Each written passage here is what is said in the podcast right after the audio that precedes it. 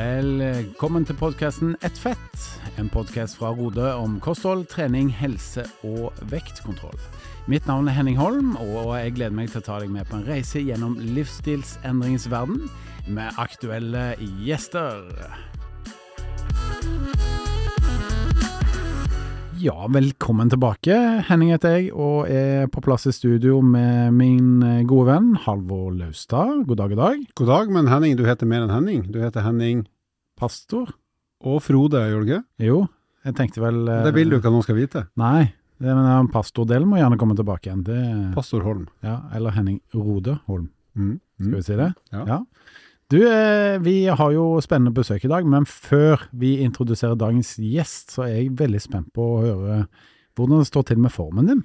Ja, da skal jeg eh, si med en gang at jeg har egentlig bedt om å få det spørsmålet, for at nå har jeg faktisk opplevd reell framgang de siste to ukene, og det er lenge siden sist.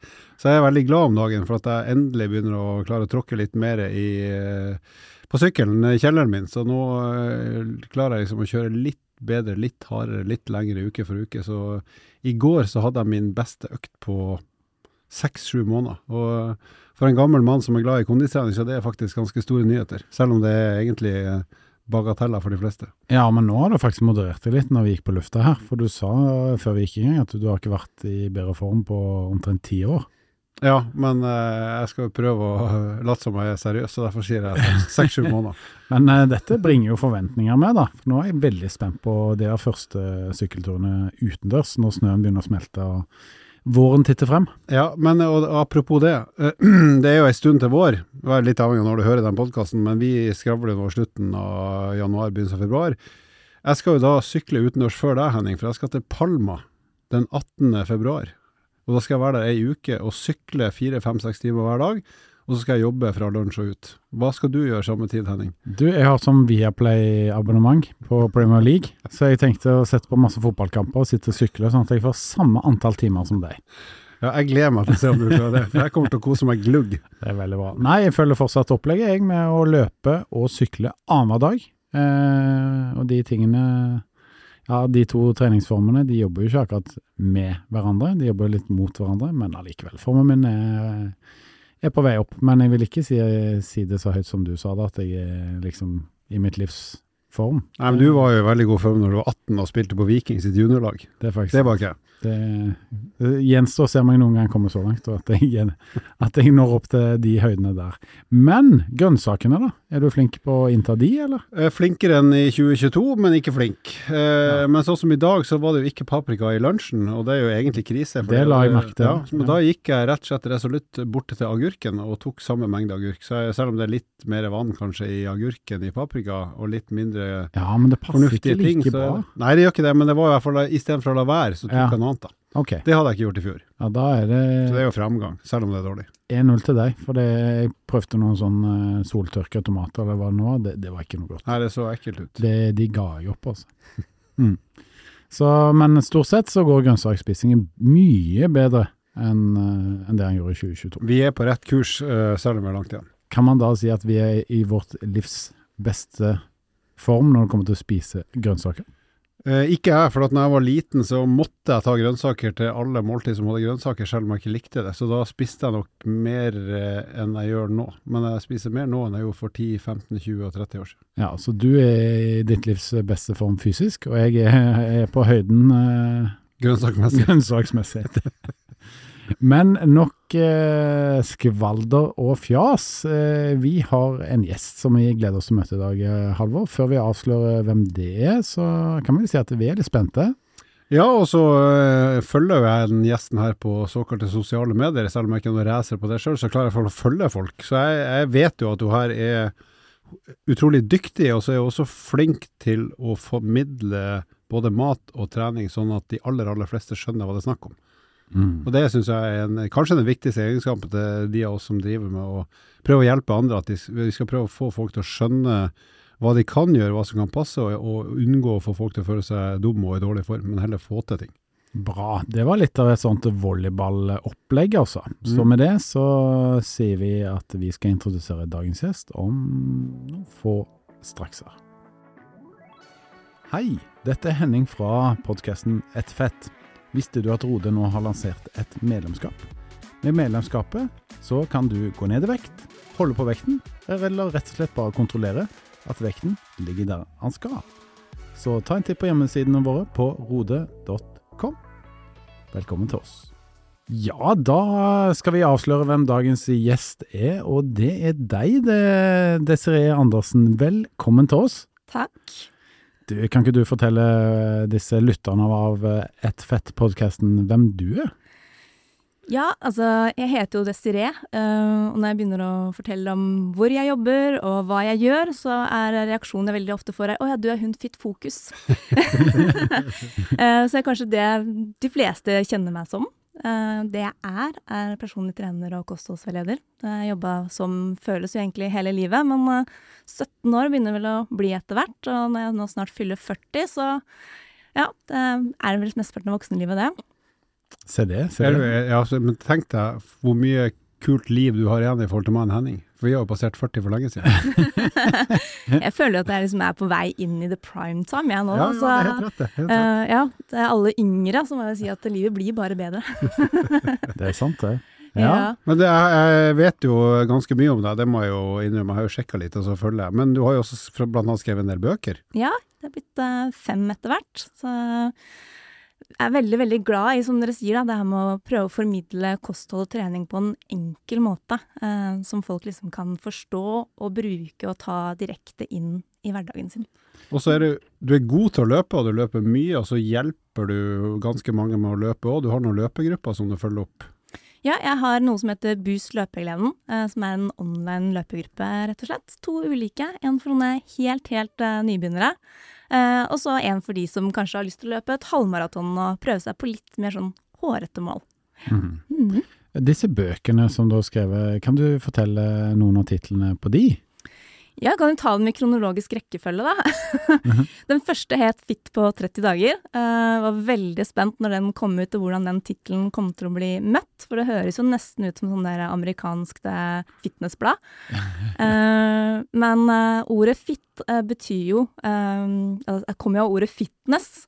Eh, som ikke betyr lav fettprosent og stå på en scene. Eh, det er jo rett og slett det her med å være ved god helse.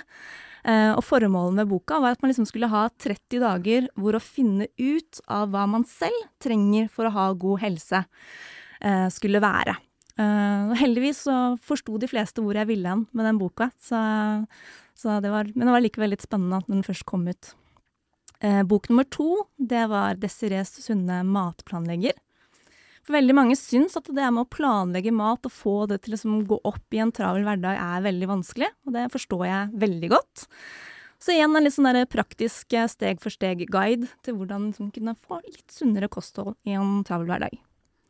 Så kom Desirées sunne matpakkebok.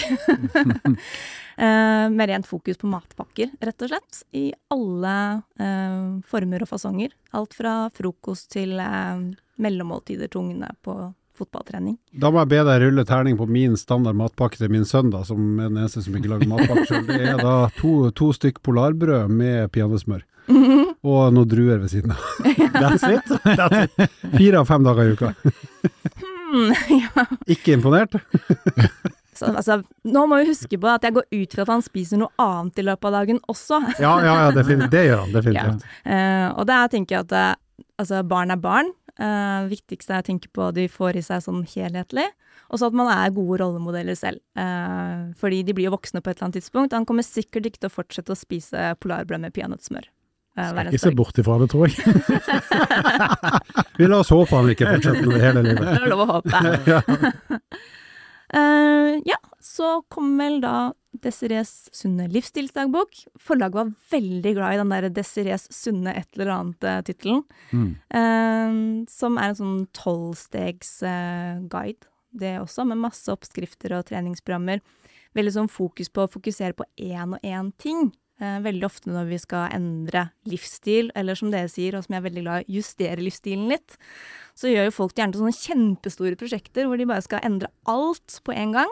Ofte med svært dårlige resultater. Eh, så her var det heller fokus på at én uke, ok, men så jobber vi med den tingen, og så neste uke så er det det som står i fokus. Mm. Det er jo litt sånn toppidrettstenking, at du jobber med én og én ting av gangen til det sitter, mm. og så går du videre. Og så går man videre. Og så er siste, da. Da var vi tilbake til det der fitt Fit på. eh, Men denne gangen var det da 15 minutter. Litt sånn skrevet for eh, alle i tidsklemma, hvor absolutt all maten i denne boka her det tar 15 minutter å lage. Og treningsprogrammene tok 15 minutter å fullføre. Ja. Det bør jo være overkommelig for selv en sånn som meg, i hvert fall når det gjelder matlaging. Mm. Veldig, veldig bra. Eh, kjempespennende. Jeg eh, må innrømme at jeg, jeg har ikke lest eh, bøkene, men eh, det tenker jeg at eh, det er en utfordring vi må ta, Halvor. Og flytte på disse bøkene. Tar det bare 15 minutter å lese det òg? Du er ikke den første som har spurt om det. Det er bare, det er bare bilder. Nå tror jeg han ble litt skuffa over at du sa at du var ikke den første som hadde spurt om det. Nei, jeg regner med det. Men vi La oss nå føye til at du er jo på Instagram òg, og da heter du Fitfokus. Det er der jeg heter Fitfokus. Ja. Ja. Og på Facebook, det er kanskje ikke så aktuelt for deg lenger, eller er du aktiv der òg? Jo da, jeg er fremdeles der. Ja. Eh, Hun er eldre enn hun ser ut, vet du. Ja, ja, ja. Seg Hun nærmer 40, seg men det 40. kan være 27, det, for alt jeg vet. Nei, det er ingen eh, på Facebook som er, over, nei, som er under 30. Er det det? Jeg vet ikke. Ja, jeg, jeg er jo ikke under 30, så jeg har jo ikke peiling. Du vet på sånne unge sånne programmer nå eh, som handler om unge mennesker, så har de eh, TikTok og Insta-adressen på de, vet du. Ja, Det er ikke noe Facebook lenger. Sånn er det. Men eh, eh, litt sånn eh, i forhold til det med sosiale medier, hve- hvem er det som er dine følgere, da? Nå er det veldig mange, da, men er det noe spesielt som kjennetegner de? Ja, altså nå er det jo etter hvert ni år siden jeg starta med den gangen blogg, da. Uh, og jeg hadde en sånn veldig tydelig misjon når jeg starta, at jeg hadde lyst til å lage uh, en blogg om livsstil og trening og sunt kosthold for de som ikke nødvendigvis var sånn superinteressert i det. Eh, det kan være litt vanskelig, men, men jeg fikk det nå på en eller annen måte til, da, kan man jo si. Eh, så det er nok den generelle mannen i gata, eh, eller kvinne, ifølge Google Analytics. Eh, på mellom 25 og faktisk 55 år. Eh, så ganske sånn godt spennvidde. Og, og da er det jo en typisk en, en kvinne med en travel hverdag, kanskje et par barn, eh, mange ting å følge opp, eh, og som har mange boller å sjonglere, men, men gjerne har lyst til å gjøre noen valg i hverdagen for å ha det bedre, tenker jeg. Mhm. Hva er det de her følgerne dine er aller mest interessert i? For du ser jo selvfølgelig mange som ser de ulike innleggene dine, postene dine, og sikkert får feedback òg. Hva er det Mm. liksom som er Hva er det du vet treffer best, hvis du skal si at i dag skal jeg lage noe som de fleste av mine følgere syns er tipp topp? Mat. Det er kanskje ikke så rart. Vi spiser jo flere ganger om dagen. Mm. Uh, og akkurat det her med kosthold er det jo også så mye forskjellig informasjon rundt om overalt, egentlig. Så både oppskrifter og det her med litt sånn der uh, myth-busting, kan man kalle det. Mm. Ja, hvor man tar litt livet av sånne myter. Uh, det syns folk er ganske gøy å lese og se. Mm. Men du er jo veldig glad i å trene selv. Ja. Eh, hvordan ser da en treningsuke ut for deg, og hva er målet med treningen eh, for deg personlig nå? ja. Det kan en sånn disclaimer først her, tenker jeg. Eh, og den her er nok ganske viktig å tenke på når man hører på podkaster med folk som liker trening, eller følger noen på sosiale medier som, som er veldig glad i trening, eller har trening som jobb. Eh, og det er nettopp det at trening er en veldig stor del av min jobb. Jeg har en løpegruppe hvor jeg skal inspirere og lage innhold til andre. Eh, det er jo et yrke jeg selv har valgt, eh, og det er både jobb og hobby. Eh, så jeg løp i mange, mange år halvmaraton. Eh, og det kan man gjøre fint ved å trene to til tre ganger i uka, det, altså hvis man har et smart og program å følge. Eh, men så hadde jeg lyst på litt mer utfordring, eh, så nå løper jeg maraton. Og da er det jo fort en ni-ti timer trening i uka. Det er det, hvis man har lyst til å gjøre det bra og trene på en fornuftig måte. Mm. Så jeg har en meget uh, tålmodig samboer, vil jeg jo også skyte inn. Trene så mye det krever at uh, alle er med på laget, vil jeg si. Ja. Må du planlegge nøye hver dag for å liksom få plass til trening? Altså selv om det er en del av jobben din, så er det jo, det tar jo tid. Så er det sånn at du må planlegge hver dag, eller, eller har du en struktur som gjør at det går liksom greit i en slags jevn flyt? Igjen, jeg synes jeg tror det er et viktig poeng, at uh, livet forandrer seg jo hele tiden. Så selv om jeg har en plan som jeg som tenker at den her, den funker, og den er kanskje planlagt ut ifra både hva familien skal, og jeg skal, og møter og jobb og ditt og datt, så skjer det alltid et eller annet. Så den planen må jo kunne forandres, og den må også kunne skaleres ned. Men sånn som eksempel i dag, da. Du bor jo ikke i Oslo, men du er inne i Oslo i dag og har en del forskjellige ting du skal være med på. Mm. Hvordan får du trent i dag, da? Uh, det blir seint i dag. Jeg hater kveldstrening. Altså, nå snakker vi etter klokka ni i kveld, så må jeg sannsynligvis på mølla mi og løpe. uh, og mange lurer jo på hvordan jeg klarer å motivere meg selv til det. Uh, standardsvaret er selvfølgelig at man kan ikke bare gjøre ting man er motivert til. Uh, men for meg, da, som har Altså, jeg har barn, jeg har full jobb, og vel så det. så er veldig ofte det der med at jeg har muligheten til å trene. Eh, det som får meg til å gjøre det. For jeg har absolutt vært eh, i perioder av livet hvor bare det å ha muligheten til å trene er vanskelig. Så for meg så er det bare sånn kjempeluksus at jeg faktisk kan stille meg på den mølla klokka ni i kveld og løpe en time. Selv om jeg er sliten, selv om jeg ikke har lyst, så gjør jeg det. Da må jeg stille et spørsmål, for jeg er jo veldig glad i å trene sjøl. Så mm. jeg, jeg, klarer liksom å ha en slags plan for hver dag, og så, som du sier, det, er ikke alltid det går, men da har jeg som regel en eller annen backup, så jeg får gjort et eller annet som er godt nok i min verden. Men sånn som du som lever av si, både å trene sjøl og formidle trening, er det sånn at du av og til tenker at ah, i dag har jeg egentlig ikke lyst til å trene, jeg burde kanskje skuffet treningen, men siden det er jobben min og det er så mange som følger meg, så gjør du det likevel, eller er ikke det en sånn tematikk som du støtter på? Det kan godt være. Uh, at det noen ganger er drivkraften også. Men samtidig så går det fint an å droppe en treningsøkt. Det gjør det. Uh, problemet blir jo hvis man støtt og stadig dropper den treningsøkten uh, en gang iblant. Går det fint. Ja, for jeg, jeg, jo, jeg, altså jeg driver jo ikke på ditt nivå med formidling, men det jeg kjenner av og til som gjør at jeg ofte tar den økta som jeg egentlig tenker at jeg gidder ikke eller passer ikke helt, det er hvis jeg har satt meg et eller annet mål, da. Ikke å servere innhold til følgere, men f.eks. å være med et eller annet sykkelritt i sommer, så tenker jeg jeg skal ta den økta her likevel. Jeg har egentlig ikke lyst. Jeg kunne godt tenkt meg å bare tatt sofaen men, men, jeg velger å gjøre det, for det er nok smart i forhold til det som kommer om fire, fem, seks måneder. Selv om jeg er dårlig, da. Men det, liksom, det driver meg litt ekstra til å av og til ta den der, ja, som du sier, kveldsøkta, som egentlig Jeg syns heller ikke det er digg å trene klokka ni om kvelden. Nei. Men så gjør jeg kanskje det av og til eh, likevel, for at det målet framme der betyr mye i mitt liv, selv om det er tullemål for alle andre. mm, ja. Men du ligger jo omtrent på samme treningsmengde som Desiree her. Gjør du ikke det? Antall timer? Jo, i hvert fall på sommeren, for da har ja. vi ofte en lang sykkeltur på både lørdag og søndag hvis det går. Så det, mm. blir jo, det er jo sykling er jo enda mer langvarig enn løping, da. Ja. Eh, hvis man skal holde på lenge. Så det, man må samle timer for å tåle det. Mm. Det må man. Bra. Men har du en sånn favorittøkt? Ah, den økta der, den eh, trenger jeg ikke å tenke på motivasjon til, for den, det, det, kommer av seg selv. Der er jeg indre motivert. Dette er bare gøy. Ja, eh, men det er flere, eh, og det er verdt til sitt bruk. Uh, når man er vant til å løpe, så er jo Jeg elsker de lange langkjøringene. Altså Folk kommer til å tro at jeg er rar nå.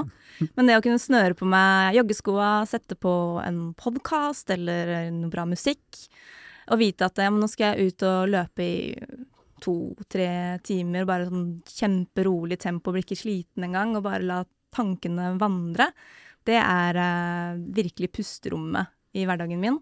Og så skjønner jeg at det er veldig lite relaterbart til de fleste.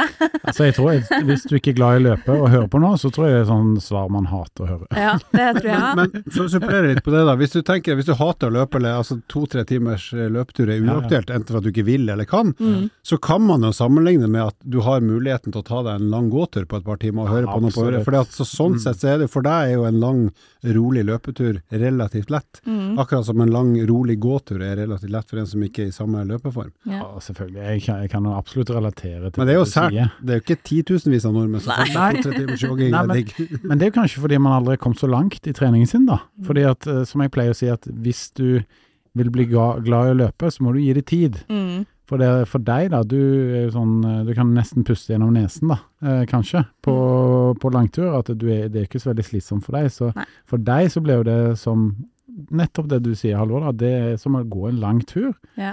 Og filosofere over livet og tenke på andre ting og løse store og små problemer underveis. Jeg må si at de best, mange av de beste ideene jeg noen gang har fått til jobb og sånn, det har kommet på løpetur. Ja, blant annet den gangen du bestemte deg for å bli venn med meg. Det var jo på løpetur, var det ikke? Det var når jeg ble fraløpt av deg på noen intervaller Ja, som vi hadde når vi jobbet i Sats begge to, for en manns alder Det er siden. lenge siden. Det Det er lenge siden. Mm. Kan vi snakke litt om mat, for du er jo, driver jo veldig mye med det òg. Kan, kan jeg spørre, som den banale nordlendingen, hva er favorittmaten din hvis du skal ha, et- kalle det sånn type middagsmat, eller sånn i gåsehudet ordentlig mat, varm mat, hva er det du liker best? Ah. Eh, jeg er ganske enkel i matveien sånn egentlig. Jeg er veldig glad i pizza og pasta og liksom de helt, helt sånn standardrettene, egentlig.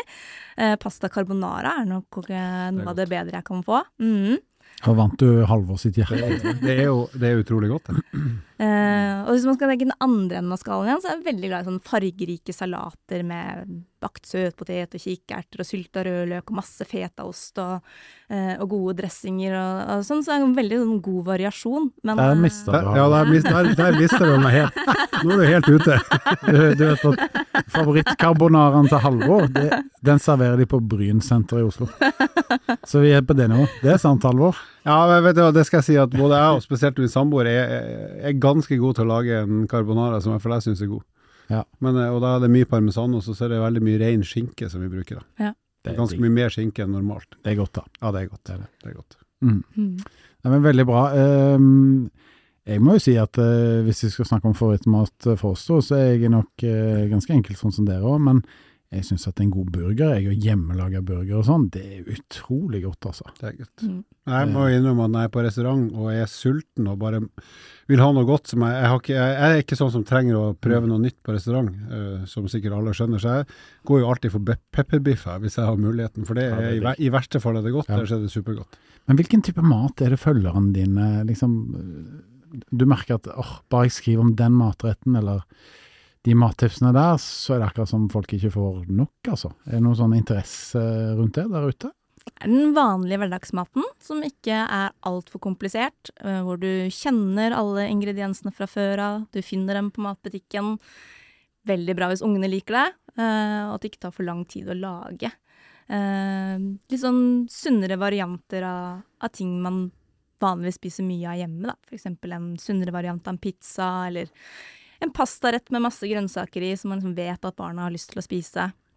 Sånne type ting. Mm. Det, det som jeg har sett på det du formidler, er jo sånn som jeg tenker at selv en mann som meg, som egentlig ikke altså, Enten ikke har tid eller ikke liker å holde på for lenge på kjøkkenet, du gjør det såpass enkelt at jeg trenger når- Hvis jeg ser på noe du har foreslått, så er det ikke sånn at jeg tenker at det gidder jeg ikke å se på, for da må jeg gå og handle på butikken, og det tar for lang tid. Mm. Så det er jo veldig tilgjengelig også for sånne som meg, som ikke er noen sånn feinschmecker, og egentlig ikke har lyst til å måtte kjøpe så mye ekstra. Men jeg kan bytte ut én eller to ingredienser, så er det plutselig en bedre versjon enn rett som er god uansett. Nettopp. Syns jeg, da. Mm. Det er viktig. Men er det sånn at har du testa en del sånne ulike matkonsepter eller dietter selv, eller? Jeg tror jeg har testa det meste som finnes, egentlig. Det Ja. følger jo liksom litt med yrket, da. Um, Uh, mange tror jo at en kostholdsveileder bare skal gi deg en plan og fortelle deg sånn skal du spise. Det er jo ikke sånn det burde fungere, i hvert fall. Um, det handler jo om å tilpasse kosthold uh, ikke bare kundens mål, men også hva kunden liker å spise, eh, økonomi, tid i hverdagen. Eh, og så kan jeg personlig synes at lavkarbo er kjipt. Altså, løper du ti timer i uka, så er lavkarbo kjipt. eh, men for en annen person så kan det være at det er midt i blinken, altså at de liker den type mat og eh, får mye positive effekter av det. Og skal jeg kunne gi tips og råd i forhold til hvordan den personen skal gjennomføre det rent praktisk, og hvordan det vil være i dens hverdag, så må jeg ha en viss kunnskap selv også om hvordan det faktisk er å leve på den måten. Um, så opp gjennom 17 år så, så tror jeg jeg har vært borti og testa et par uker av det meste sånn, som folk er godt kjent med, da. Hva syns, hva syns du har vært det kjipeste eller dårligste, som, eller som har passa deg minst, da, av de tingene du har prøvd? Uh, det er nok uh, periodisk faste, vil jeg tro. Um, har veldig stor forståelse for at det kan passe for mange eh, som liker store måltider og, um, og ikke styre så fælt med maten, kan man si det sånn, da. Eh, mens for meg så var det helt forferdelig. Altså, jeg kan si det sånn at uh, Halvor hadde jo et krasjprosjekt her. Han testa 5-2-dietten. Uh, ja, og vi har vel sagt det på jobben at hvis han gjør det igjen, så kan han ha hjemmekontor.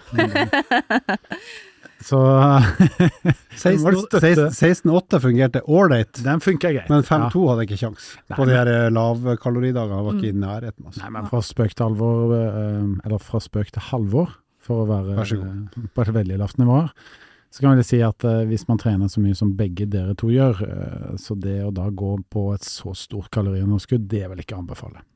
Jeg, jeg syns i hvert fall det var utrivelig. Mm. Jeg, Ja. or jeg orka ikke, rett og slett. Det var Mm. sjanseløst. Utydelig for de fleste rundt oss òg, sikkert. Ja, ikke sant. Ja. ja. Jeg må spørre litt mer om mat og litt sånn dine preferanser. Godteri, Mhm. hva, er, hva liker du av godis? Lørdagsgodt eller søndag? Altså godteri, hva, er det du, hva går du til anskaffelse da? Eller lager du sjøl? Candy King, salt og surt. Det er smågodt det går i, altså. Nå løfter du deg opp igjen etter den salatutskeielsen.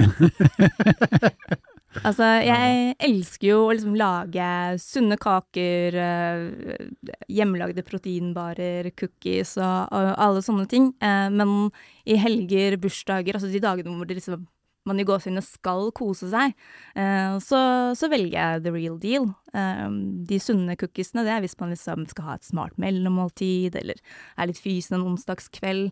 Eh, går litt mer til, til den type ting. Det er en Vi trenger ikke å spise for mye sukker, det er alle enige om, men det handler jo om en helhet, og er du flink å spise godteri én gang i uka, sånn cirka, så, så trenger ikke det å stresse så mye med. Altså. Det handler om totale mengder. Hun kikka på deg nå, Henning, og sa ca. en gang i uka. Hvor ofte i uka spiser du godteri? Nei, det, Og hva spiser du da? Vet du hva, det er ca. to ganger i uka jeg unner meg det.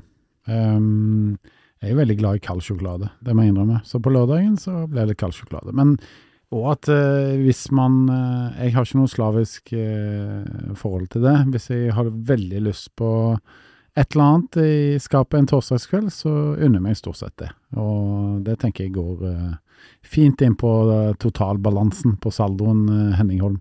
Mm. Mm. Kald sjokolade er jo godt. Kald sjokolade er veldig godt. Det er jo mye godt som er godt. Men i går, i går kveld så unna meg og fruen oss en, en sånn ja, en god vinner, da, uten at kaloriene tar helt av. Og det er jo sjokoladepudding med vaniljesaus. Det er, det er veldig godt. Det er det. Veldig godt. Mhm. Ja, og det er ikke så kaloririkt som veldig mange tror. Det er veldig godt. Så hvis vi skal anbefale noe sånn digg eh, kos som ikke er helt spinnvilt på kaloriene, så kan jeg jo anbefale det. Og hvis jeg hadde vært til gjest, så ville jeg anbefalt at vi bare hadde hatt en sånn liten vaniljesauskartong. For Ja. den er, hvis det hadde vært en liter, så hadde nok den vært tom etter at jeg dro. det hadde ikke vært bra. Hva tenker du? Hvordan eh, liker du sjokoladepudding? Det er nok en sånn barndomsfavoritt, ja. Ja. Men uh, kanskje føler at vi er veldig enige om mye. Jeg er jo litt mer glad i vaniljesausen enn sjokoladepuddingen. Vaniljesaus er godt på is òg, kan være, syns jeg. Det er faktisk sant. Det er det. Ja. Bra. Du, eh, du jobber jo med masse forskjellige folk eh, på ulike nivå. Har du også mange som vil ha hjelp av deg til å gå ned i vekt? Eller holde vekt? Jeg tror nok eh, 95% av de som på en måte kommer inn døren, da, som man kan si, bruke det begrepet der, de har eh, opprinnelig et ønske om å gå ned i vekt. Eh, det er veldig mange som eh, henger veldig mye av de problemene de opplever i hverdagen, nettopp på vekten. Eh, sliten, litt overskudd, føler at man spiser mye godteri for å komme litt sånn ovenpå eh, vondter her og der. Og det er klart at eh, har man en del kilo ekstra på kroppen, så, så henger det jo sammen. Eh, men veldig ofte så er det jo sånn at eh, man er sliten og har lite overskudd, ikke nødvendigvis pga. kiloene, eh, men pga. Eh, kosthold og livsstil som også har gitt noen kilo ekstra på kroppen. Det henger jo alt sammen sammen her. Eh, og heldigvis, altså det her med å snakke med vektreduksjon i PT-bransjen, det har i mange år blitt sett litt sånn Det skal man ikke gjøre. Um, uh, mens jeg alltid har tenkt at vet du hva, jeg skal ikke fortelle mine kunder når de kommer til meg at uh, du har ikke lyst til å gå ned ti kilo, du, vet du. Nei, du har bare lyst til å spise sunnere og bli skikkelig glad og bli glad i å trene. Eh, hvis det er dems motivasjon, så får jo det være dems motivasjon. Og så kan det hende at det forandrer seg underveis. Eh, og det opplever jeg veldig ofte. eh, at selv om det er den motivasjonen man først kommer i gang med, eh, så endrer det seg underveis. Veldig, veldig bra svar. Eh, Du, i Rode så er det sånn at eh, vi har hjulpet, eller firmaet Rode og menneskene som jobber der, og hjulpet folk ned i vekt i veldig mange år.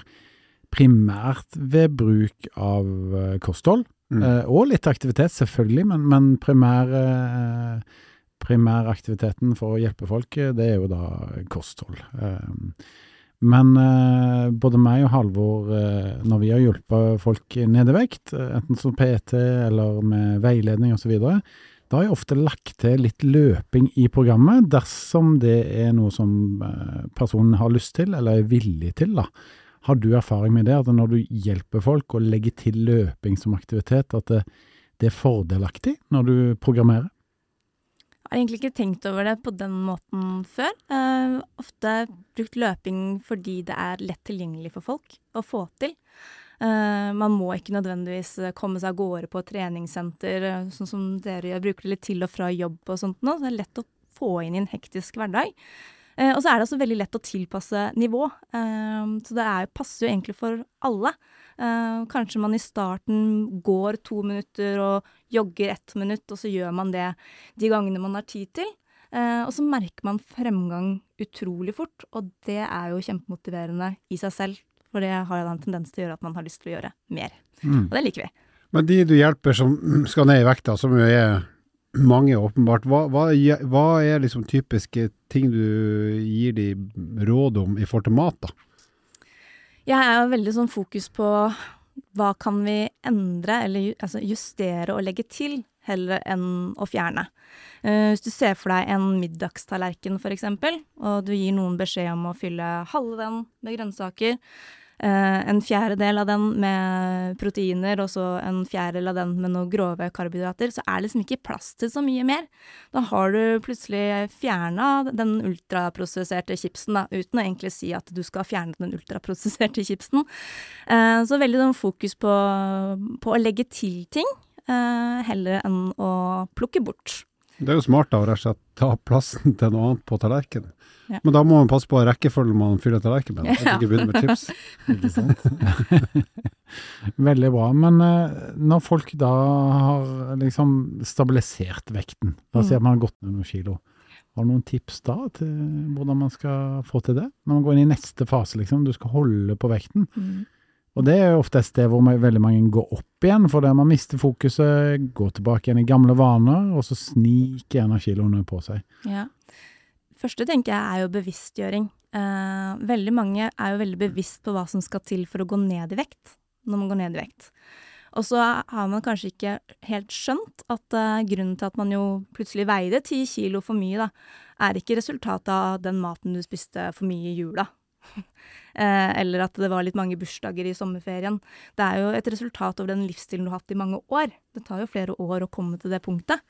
Eh, og at hvis du sakte, men sikkert går tilbake til den livsstilen, så vil også vekta komme tilbake. Så man må jo klare å gjøre noen endringer som man faktisk kan fortsette med eh, fremover i tid også. Uh, og så er det bare en liten ting som jeg ser mange gjør, for ja, nettopp som du sier, at vekta vil jo kanskje gå litt oppover igjen. Eh, men det er også helt naturlig. Altså alle eh, går opp og ned i vekt gjennom et år, kanskje både to, tre, fire og fem kilo, i hvert fall hos kvinner som i tillegg har en syklus. Eh, og mange får sånn panikk. Å nei, nå gikk jeg opp tre kilo, begynner å prøve å slanke seg igjen, eller gir opp og tenker ja, men jeg klarte jo ikke å holde vekta. Eh, som går rett og slett bare tilbake til den gamle livsstilen, og blir litt sånn opphengt i akkurat det der. Eh, og prøve å få sånn ro rundt det, at det er faktisk helt naturlig at vi skal variere i vekt. Det er sikkert et eh, veldig fint poeng å ha med seg, som er sånn beroligende for, for de lytterne som er opptatt av de tingene her. Det er bra. Du- Tips til Henning og meg, da. Vi har jo kommunisert ganske tydelig at vi er ikke spesielt gode på frukt- og grøntinntaket vårt. Selv om vi er bedre, så er vi dårlige. Hva tror du, og vi er jo, som du sikkert har skjønt, at vi er jo ikke noe rå på kjøkkenet. Vi er ikke helt ubrukelige. Vi er virkelig ikke noe, i beste fall middels. Og vi er heller kanskje ikke så flinke til å lage maten innbydende. Har du noen tips til sånne som oss for hvordan vi kan få mer lyst til, eller gjøre det enklere for oss å få i oss litt mer frukt og grønt? Før du svarer på det, med noe veldig fornuftig, skal jeg bare si at eh, det du sier der om middels, det stemmer på meg, med, men unntaket er julemat. Ja, der er du god. Det er, er er god. faktisk eh, meget god, ikke bare god med meget god. Det har jeg faktisk bevitnet og bespist. Både på ribbe og pinnekjøtt. Ja, det er sant. Mm. Sånn, da, da var det sagt. Da scenen din. Eh, det her er jo et tips som jeg tenker man kan bruke til mange ting som har med livsstilsendring å gjøre. Uh, for nå har jo dere satt dere et mål, dere vil spise flere grønnsaker. Men det er jo veldig sånn svevende greie. Uh, men med en gang man i stedet for å sette seg noen stort svevende mål, heller gjør det til noen konkrete arbeidsoppgaver, så er det større sjanse for at man faktisk gjennomfører det. Så eh, hvis man f.eks. henter i barnehagen, da. Ok, men jeg skal spise et eple hver gang jeg henter i barnehagen. Da er det en konkret arbeidsoppgave som du gjør hver eneste dag. Eh, jeg skal fylle kanskje halve middagstallerkenen er litt mye, da. En fjerdedel av middagstallerkenen med grønnsaker. Ja, da så liker du bare agurk, men da blir det i hvert fall en fjerdedel av middagstallerkenen agurk, da. da har du plutselig en fjerdedel av middagstallerkenen agurk, da et eple eh, hver dag. Jo, liksom, jo mer konkretisert det kan gjøres, jo større sjanse er det for å gjennomføre. Basert på det du sier, så har jeg følgende oppgave til meg sjøl. Jeg, jeg spiser ca. åtte knekkebrød til lunsj hver dag her på øh, jobben. Da skal jeg ha, skal jeg ha enten mye paprika eller mye agurk til de knekkebrødene hver gang. Mm -hmm.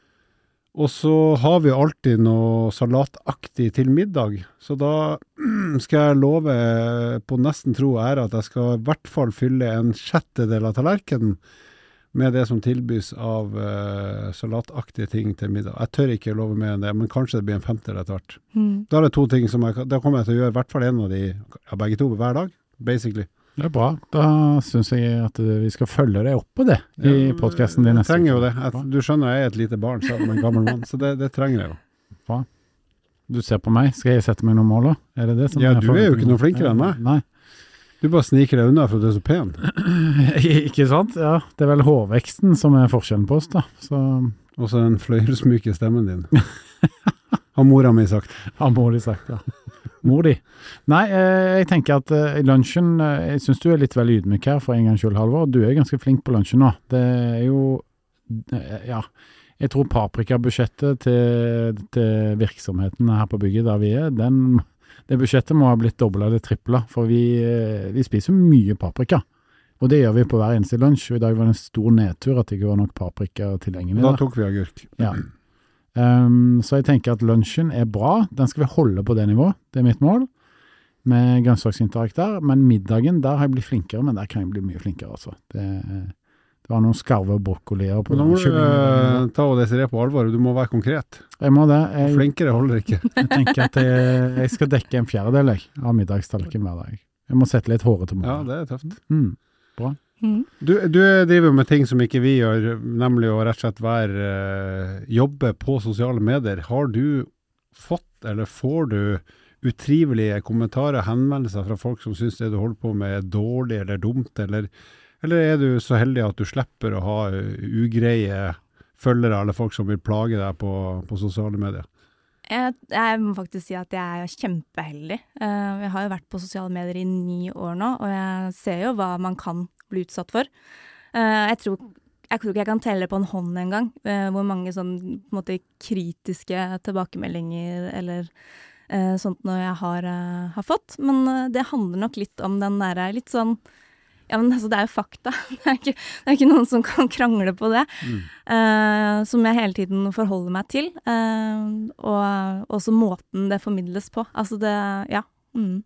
ja men veldig, veldig bra jobba. Jeg håper uh, lytterne våre tar seg tid til å ja, enten gå inn på Instagram og finne Fittfokus der, eller finne Fittfokus på Facebook og, og følge deg der. Men du har jo òg til og med både blogg, eh, desireeandersen.no, og du har TikTok-bruker òg. Eh, Desiree understrek Eller voksen. og eh, jeg må gjenta den da. Desiree, eh, altså flat strek nede der, og så sunn livsstil.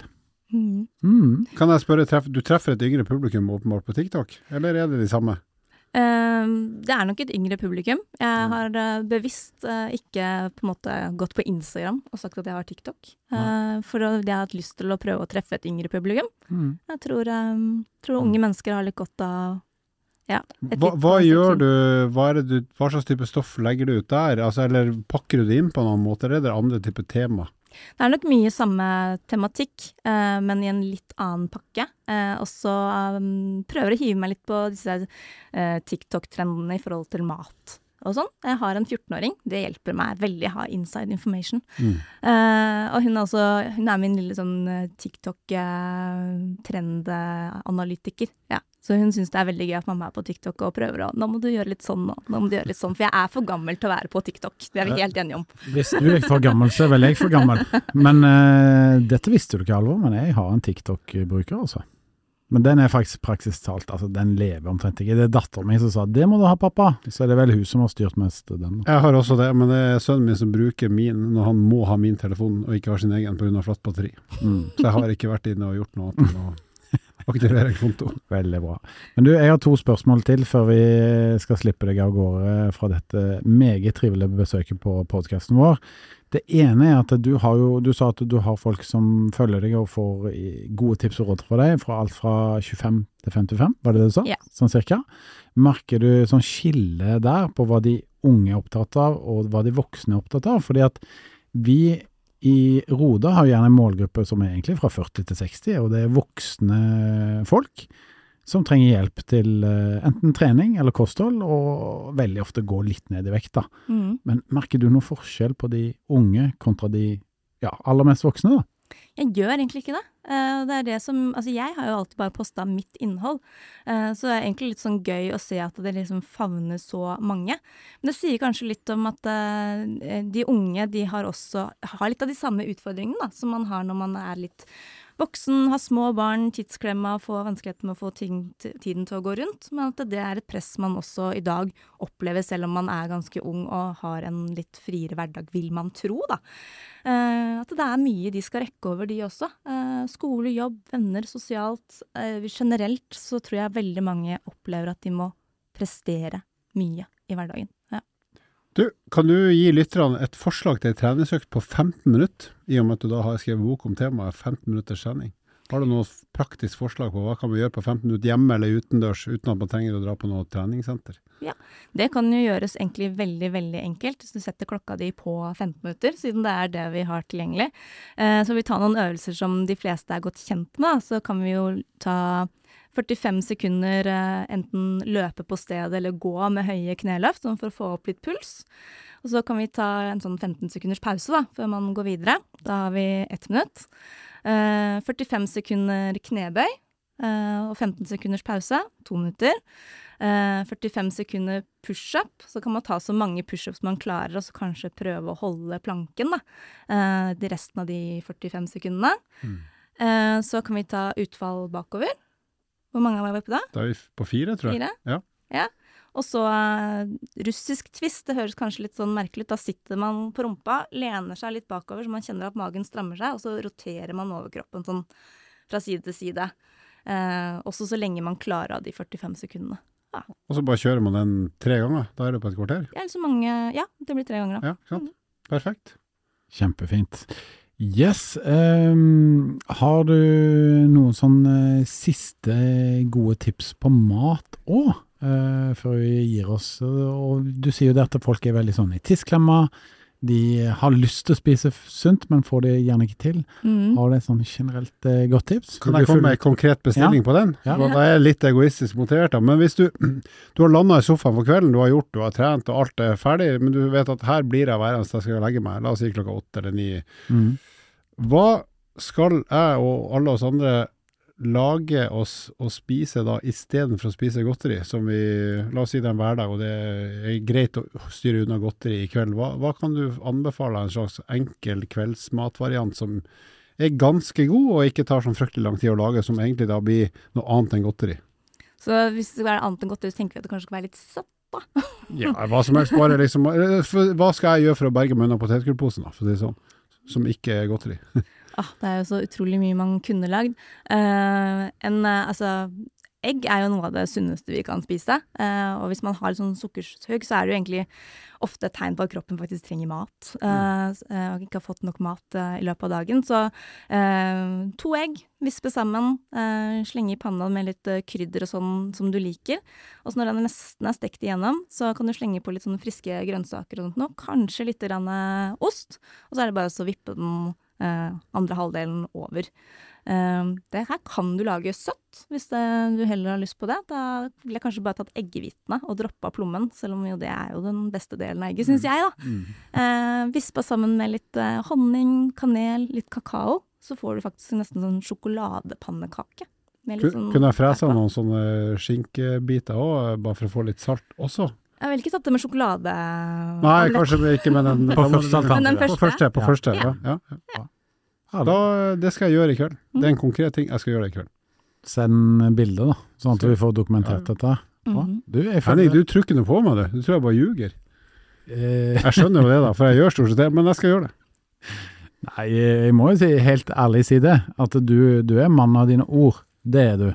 Men eh, det at du gjennomfører liksom i en travel hverdag, det har jeg ikke alltid tro på. Det er derfor jeg prøver å liksom eh, binde deg litt inne, da. på de Men det som er bra, er at på kvelden har jeg for deg, selv om jeg har det travelt. Så når det først er kveld, som er ofte i nitida, da, da er jeg som regel ferdig med det jeg skal. Så da har jeg egentlig ganske god tid. Men da bare kaster jeg bort på å gjøre um, surr, Mhm. Så når det først er kveld, da er det kveld. sa brura.